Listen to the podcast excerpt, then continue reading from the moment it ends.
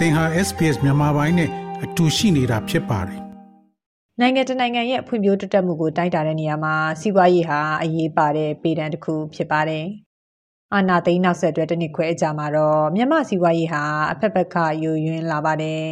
။အတိတာဆုံးကတော့အခြေခံစားကုန်ဖြစ်တဲ့စံစီကစားလို့လောက်စာစီစည်းနှုန်းရွှေစည်းနှုန်းတွေအထိမြင့်တက်လာတဲ့အနေအထားမှာလူဒန်းစားစုံလက်လန်းမိဖို့မလွယ်ကူတော့ပါဘူး။ အရင်ကစံနှစ်အိတ်စာတန်မှုဟာလက်ရှိအချိန်မှာစံတအိတ်လောက်သာရတော့တာမို့အခုလိုအလောက်ကိုင်းကျက်တဲလာတဲ့အချိန်ဒီမှာအခြေခံလူဒန်းစားတွေပုံမှုအခက်ကြုံလာကြရပါတယ်။နိုင်ငံလူဦးရေရဲ့60ရာခိုင်နှုန်းဟာအခြေခံလူဒန်းစားဖြစ်တာကြောင့်လက်ရှိတက်ရောက်မှုဟာနိုင်ငံဦးရေထက်ဝက်ကျော်အတွက်စိတ်မအေးစရာဖြစ်လာပါတယ်။ဒီလိုအခြေအနေမှာနေအိမ်ရဲ့အတိကမိဖို့ကြောင့်တောင်းဝင်ကိုယူထားရတဲ့အင်ရှင်မတွေအတွက်တော့ တက်လာတဲ့ကုန်စည်နှုန်းတွေကြားမိသားစုဝန်ရေးအတွက်စ조사ရုံးကန်ဖြည့်ရှင်နေရတာပါမိသားစု600အတွက်ချက်ပြုတ်ပေးနေရတဲ့အရှင်မတူဖြစ်သူနော်ရုကအခုကတော့ဝက်သားတပိတ်တော်ဆောင်ပေါင်းတောင်စက်တွေကအနည်းဆုံးတစ်တောင်ဆန်တဲ့ဟာလက်ချင်းမကန်ဘူးဆက်စမမှာဝင်မစားနိုင်ဘူးဥပမာကျမတို့မိသားစု6ဦးရှိတယ်50သားလောက်ဝယ်စားနေရမှာ15ချက်သား20သားဒါလောက်လည်းဝယ်နိုင်တယ်အရင်ချီတာစားတော့ဒီကုန်သေးနှုန်းကြီးနေလို့ကြောင့် အခုဆိုတွေ့ကြတော့မှဖောတီတီမစားနိုင်ဘူး။ဒါကြောင့်လဲဆိုတော့ပြောတွေ့ကြလည်းအရင်စီးစီးရတယ်။ဆိုအစားစားရရဒီတော့ကိုဒီစီအစားတော့ဒီစမလို့အချစ်လိမ့်ပိတ်ခံစားရတယ်။ခံစားနေရပါတယ်။ပြပကတင်သွင်းနေတဲ့73စီနဲ့အခြေခံစားတောက်ကုန်စည်နှုန်းတွေဟာ30ရာခိုင်နှုန်းကနေ90ရာခိုင်နှုန်းကျော်အထိမြင့်တက်လာတာပါ။ကြအပြင်အာနာသိမ့်ပြီးနောက်စစ်ကောင်စီကကုန်စည်ပို့ဆောင်မှုကိုလည်းကန့်သတ်တာတွေရှိနေပါတယ်။ မြန်မာပြည်ရဲ့တချို့နယ်စပ်တွေမှာစစ်ကောင်စီလက်အောက်ခံလုံခြုံရေးနဲ့နယ်စပ်ရေးရာဝန်ကြီးလက်မှတ်ပါမှာကုန်ပစ္စည်းတည်ယူတာတွေကိုခွင့်ပြုထားတဲ့အတွက်ပစ္စည်းတချို့ပြက်လက်မှုတွေဖြစ်နေတယ်လို့စီးပွားရေးလုပ်ငန်းလုပ်ကိုင်သူတွေကပြောပါတယ်။အဓိကပစ္စည်းတွေဖြစ်တဲ့ဆန်၊မြေဩဇာ၊ဆေးဝါးပစ္စည်းနဲ့ဆောက်လုပ်ရေးလုပ်ငန်းသုံးပစ္စည်းတွေကိုကန့်သက်ကြားမြင့်ထားတာပါ။ အခုကာလမှာကုန်ပစ္စည်းတင်သွင်းသူတွေအတွက်လိုင်စင်ရဖို့ခရင်ပြီးတင်သွင်းခြင်းတဲ့ကုန်ပစ္စည်းတွေကိုကြိုတင်မှာရကဝင်ကြီးဌာနကခွင့်မပြုရင်တင်သွင်းခွင့်မရတဲ့အခြေအနေတွေနဲ့ကြုံတွေ့နေရပါတယ်။ကုန်ပစ္စည်းသွင်းနိုင်မှုအတွက်ကိုလည်းလက်ပေးမှရနိုင်တဲ့အခြေအနေမျိုးတွေနဲ့သာတင်သွင်းခွင့်ရလာတယ်လို့သွင်းကုန်လုပ်ငန်းရှင်တွေကပြောပါတယ်။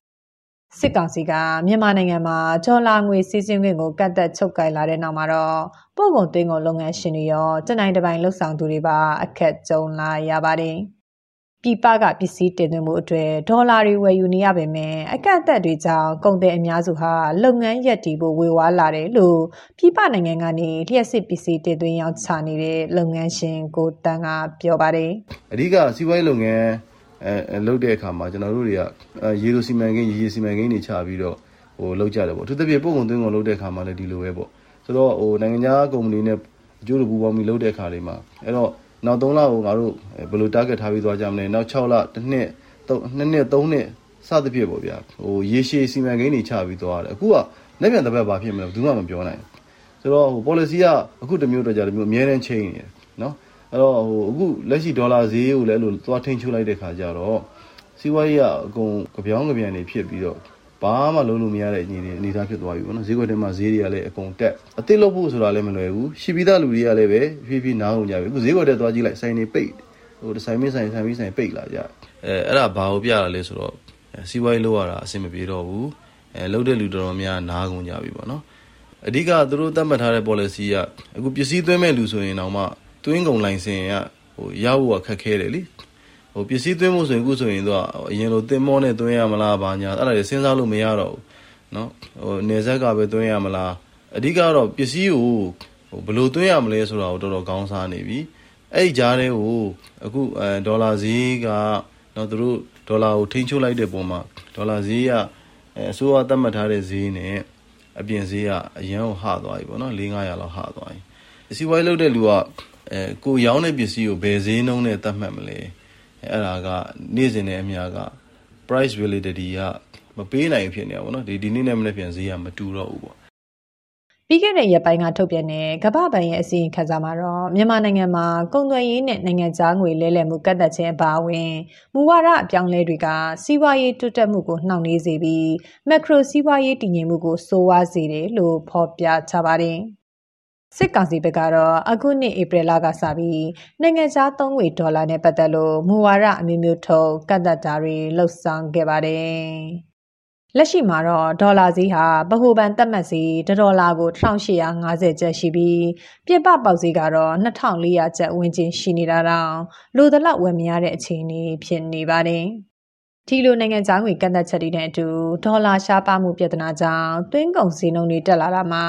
စားသုံးစီမိဖို့ကြောင့်သုံးဂတ်စပါဝင်စေဝါတွေပါဝယ်ယူလို့မရတဲ့အခြေအနေတွေကိုပြည်သူတွေရင်ဆိုင်လာရပါတယ်။ရန်ကုန်မန္တလေးမှာရှိတဲ့ဆေးလက်ကားရောင်းတဲ့ထိုင်တွေနဲ့ဆေးတင်သွင်းတဲ့ကုမ္ပဏီတွေလည်းအယောင်းပိတ်ထားတာကြောင့်ဆေးရုံကြီးတွေမှာတော့လူတစ်ယောက်အတွက်နှစ်ပတ်စားလောက်သာဆေးဝယ်ယူနိုင်တော့တဲ့အခြေအနေထိဖြစ်လာတာပါ။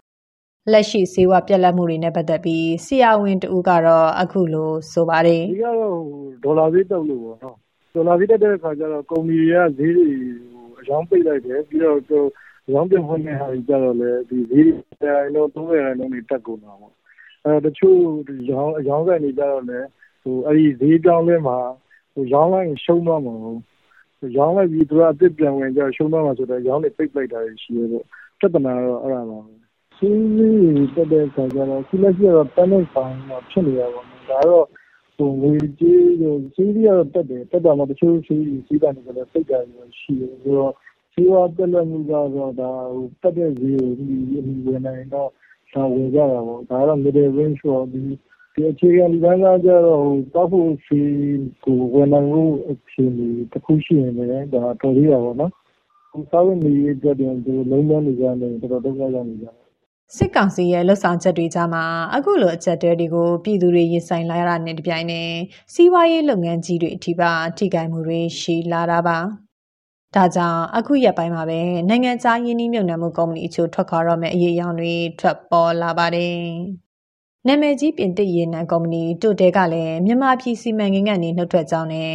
ဂျပန်ကားကုမ္ပဏီဆူဇူကီကကားထုတ်လုပ်မှုလုပ်ငန်း ယာယီရပ်နားတယ်လို့ အခုလ20ရက်မှာပဲ တပြိုင်တည်း ထုတ်ပြန်ကြေညာခဲ့ကြပါတယ်။အာနာသိန်းကာလတစ်နှစ်ခွဲအတွင်း အခုလို လုပ်ငန်းတွေ ရပ်ဆိုင်းသွားတာကြောင့် အလုပ်လက်မဲ့ဦးရေဟာတန်ကနန်းအထိ ရှိခဲ့တယ်လို့ အလုပ်သမားအဖွဲ့အစည်းတွေရဲ့စီးအင်အားတွေ့ရပါတယ်။ လူတဦးတစ်နေ့ဝင်ငွေကိုကြည့်ရင်လည်းအရှိတောင်အာရှမှာအရှိတီမောအောင်အနှိမ်ဆုံးကိုရောက်ရှိနေပြီးအိမ်နီးချင်းထိုင်းနိုင်ငံနဲ့ရှင်ရင်တော့မြန်မာနိုင်ငံကငါးဆခွဲလောက်နေနေပါတယ်။အခုလိုအဖက်ဘက်ကကြာဆင်းနေတဲ့စီးပွားရေးကိုပြန်အဖက်ဆယ်ဖို့ဆိုရင်ပြည်သူအစိုးရလက်ထက်တိုင်းပြည်ပြန်အဖို့သာနီးလန်းရှိတယ်လို့ပြောလာသူကနိုင်ငံရေးလှိလာသုံးသပ်သူဦးရဲ့ချောမခုအာဏာယူထားတဲ့သဘက်ကအစိုးရကအခုထွက်ပေါက်က ဒီ၂၀၂၁ အာဏာသိမ်းခဲ့တဲ့ကိစ္စနဲ့လည်း ဆက်စပ်နေတဲ့အတွက်ကြောင့်မို့လို့ အစိုးရအာဏာကို ဝင်ထိန်းလိုက်တဲ့ကိစ္စနဲ့လည်း ပတ်သက်နေတဲ့အတွက်ကြောင့်မို့လို့ ဒီဟာကို ဘယ်လိုဖြေရှင်းမလဲဆိုတာမှာပိုစဉ်းစားရမယ်။နိုင်ငံတကာက အာဆီယံတို့ တရုတ်တို့က တိုက်တွန်းနေသလို နိုင်ငံရေးအရ အပြောင်းအလဲလုပ်နိုင်တယ်ဆိုရင် တပ်က တပ်ခေါင်းဆောင်တွေက ဝင်ပေါ့သွားမှာပေါ့။ဒီဟာတွေတော့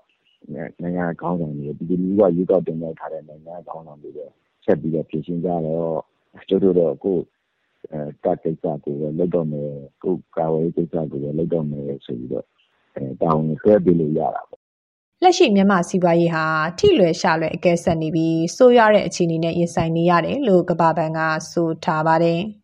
မြန်မာစီးပွားရေးစောင့်ကြည့်လေ့လာမှုအစီရင်ခံစာအရ2022ခုနှစ်မှာလူဦးရေရဲ့40ရာခိုင်နှုန်းဟာစင်ရဲနွမ်းပါမှုမြင့်အောင်မှရောက်ရှိနေပြီလို့ဆိုထားတာကြောင့်တန်း30လောက်ရှိတဲ့မြန်မာပြည်သူတွေဟာစင်ရဲမှုထံကိုရင်ဆိုင်နေရတာပါအိမ်နောက်စုတွေရဲ့ဝင်ငွေလျော့နေလာတာစားနပ်ရိက္ခာဖူလုံရေးအတွက်လျော့နေသက်သာစေမဲ့နီလန်းတွေနေပါလာတာနဲ့ပြည်ရင်းပဋိပက္ခတွေဆက်လက်ဖြစ်ပွားနေတာကြောင့်စင်ရဲမွဲတည်မှုတန်ကိုမြန်မာပြည်သူတွေရင်ဆိုင်ရမယ်လို့လည်းဆိုထားပါတယ် ဒီလိုအခြေအနေတွေကြားမှာအခြေခံလူဒန်းစားတွေအတွက်တော့စ조사ရှင်သန်ဖို့ကလွယ်ပြီးရွေးချယ်စရာမရှိဖြစ်နေတာပါ။နောင်လာမယ့်အနာဂတ်ကိုတော့မျှော်မတွေးရတော့ဘူးလို့ဆိုလာသူကစားတောက်ဆိုင်တစ်ခုမှာအလုပ်လုပ်နေတဲ့အသက်30အရွယ်မယမင်းပဲဖြစ်ပါတယ်။အာနာမသိငခင်တော့ဆိုတော့လူတွေကကုံစင်းနှုံးဆိုတာခေါင်းထဲမှာမရှိဘူးအ ਨੇ ဆုံးကွာဟိုအောက်ခြေလူဒန်းစားတောင်မှ ထထမင်းစားဖို့ဆိုတာစကားနဲ့ထည့်ပြောနေရတဲ့ဟိုခေတ်ကာလတခုမဟုတ်ခဲ့ဘူးကွာအခုကျတော့ဟိုတရက်ကိုတသောင်းရတယ်ဆိုရယ်လူတယောက်တောင်မိသားစု၃ယောက်ရဲ့ဟိုစားစားဖို့ဖြည့်ရှင်းဖို့တောင်မလွယ်တော့ဘူးအဲ့အဲ့လောက်ထိကိုခေတ်ကဖြစ်သွားပြီသိလားဒီအချိန်တိုင်းမှာဟိုရှေ့ဆက်သွားမယ်ဆိုလို့ရှင်တော့ပညာတတ်တဲ့လူတွေတောင်မှနေထိုင်မှုလည်းမလွယ်တော့ဘူးနေလည်းမနေသင့်တော့တဲ့ထေနေကြီးကိုဖြစ်နေပြီလုံးဝသိလားကိုကဝါတကားပိတ်ပြီးတော့အငတ်ထားမဲ့ဟိုပုံစံကြီးဖြစ်နေပြီလေနော် နာဂတ်ကစိုးရင်ဖို့ဆိုတဲ့စကားကိုပြောတော့အနာဂတ်တွေကိုမရှိကြတော့တာဒီခုမြန်မာနိုင်ငံမှာနေရလူအကောင်လုံးမှာအနာဂတ်မရှိတော့ဘူးအခုလက်ရှိလက်တလုံးကိုပဲဖြည့်ရှင်းဖို့ကိုတရက်တရက်ကိုဟိုရုန်းကန်နေရတဲ့အခြေအနေကွာသိလားဟိုအနာဂတ်ဆိုတာစိုးရင်ရမယ့်အနေထားမဟုတ်တော့လက်ရှိကိုစိုးရင်ရမယ့်အနေထားဖြစ်နေပြီအရင်ကဆိုရင်စီးပွားရေးရောပညာရေးမှာပါဥမော်ခဲ့တဲ့မြန်မာနိုင်ငံကိုအာရှကြားကြီးလို့တင်စားခဲ့ကြပါတယ်။ လက်ရှိစစ်အာဏာသိမ်းကာလအတွင်းမှာတော့စားဝတ်နေရေးဆိုတဲ့နေ့တူဝဖြည့်ရှင်းနေကြရတဲ့လုပ်ငန်းစဉ်ဟာမြန်မာပြည်သူတွေအတွက်တော့အခက်အခဲအပြည့်ဖြစ်နေတာပါ။ဒီအခြေအနေကနေရုံထွက်နိုင်ဖို့အရင်ကဆိုရိုးစကားရှိခဲ့တဲ့အာရှကြားကြီးပြန်အသက်ဝင်ဖို့အရေးမှာတော့စစ်အာဏာရှင်စနစ်ချုပ်ငြိမ်းဖို့နဲ့နိုင်ငံတကာရောပြည်တွင်းမှာလွတ်လပ်စွာကူးသန်းရောင်းဝယ်နိုင်ဖို့ဟာမှန်လို့မရတဲ့ခရီးရှည်တစ်ခုဖြစ်လို့နေပါတယ်။ ဒီသတင်းဆောင်မကိုတန်လွင်ခက်ကပေးပို့ထားတာဖြစ်ပါတယ်။